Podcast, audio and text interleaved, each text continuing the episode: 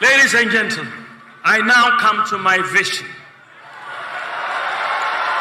As Vice President, I am like a driver's mate. But by the grace of God, if you make me the president, I will be in the driver's seat with constitutional mataimakin shugaban kasa dr mahmud baume kenan yayin da yake gabatar da jawabinsa ga al'ummar kasa na farko bayan an zaɓe shi a matsayin ɗan takarar shugaban kasa a ƙarƙashin jam'iyya mai ci ta npp inda ya bayyana manufofi da yake da niyyar cikawa idan an zaɓe shi shugaban kasa a zaɓen disamba mai zuwa. Dr baume ya bayyana gudunmawar shawarwarin da ya bayar ga kwamitin tattalin arzikin ƙasa wanda ya ce an samu ci gaba tattalin arziki a baya-bayan nan. Haka kuma ya bayyana ƙararra cewa zai soke harajin hada-hada hadar kuɗi na electronica wato e-levy da wasu nau'o'in haraji da wannan gwamnati ta kirkiro. Ladies and gentlemen, to move towards a cashless economy, however, don matsa zuwa ga tattalin arziki da ba amfani da kuɗi dole ne mu ƙarfafa jama'a su yi amfani da kafofin hada-hadar kuɗi na electronica. Don cimma wannan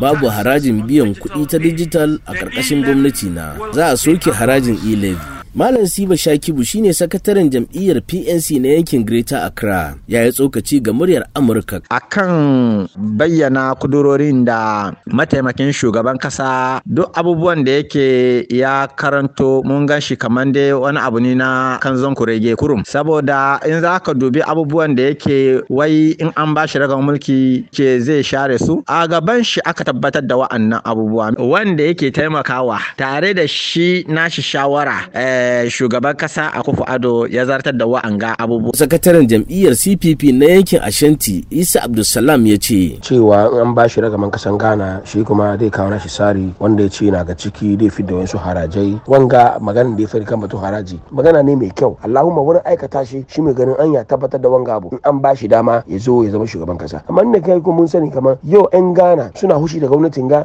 domin suna ganin kamar alkawarin da ya musu lokacin da ke neman gwamnati ba shi yake cika musu yau ba. Salamatu Adams Mamba mamba ce ta sadarwar jam'iyyar NDC kuma mamban majalisar gudanarwar gundumar Wenci. Da nan ga wanci muna noman abinci rogo, dundu, masara ko mina dara a kai aka se amma yanzu ba mu iya mu se masu noman shi ma ba su iya su noma a quantity da suke so saboda fertilizer ya yi tsada fertilizer da aka subsidize duka an bari don shi where lies the um, economy da ya ce economy ya grow economy economy ya collapse. Tambayar da jama'a ke yi shine yana ina gwamnati ta aiwatar da waɗannan harajin. Tambayar da na yi wa alhaji aminu abu kenan.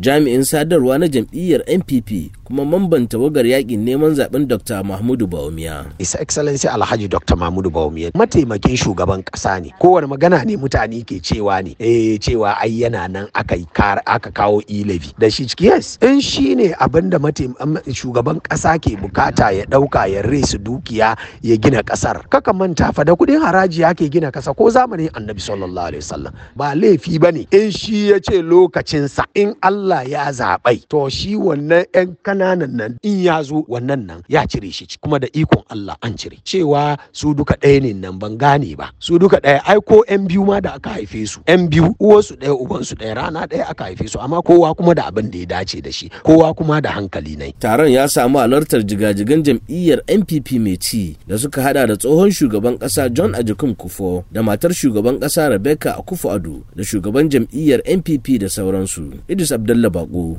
sashen hausa na muryar amurka daga accra ghana.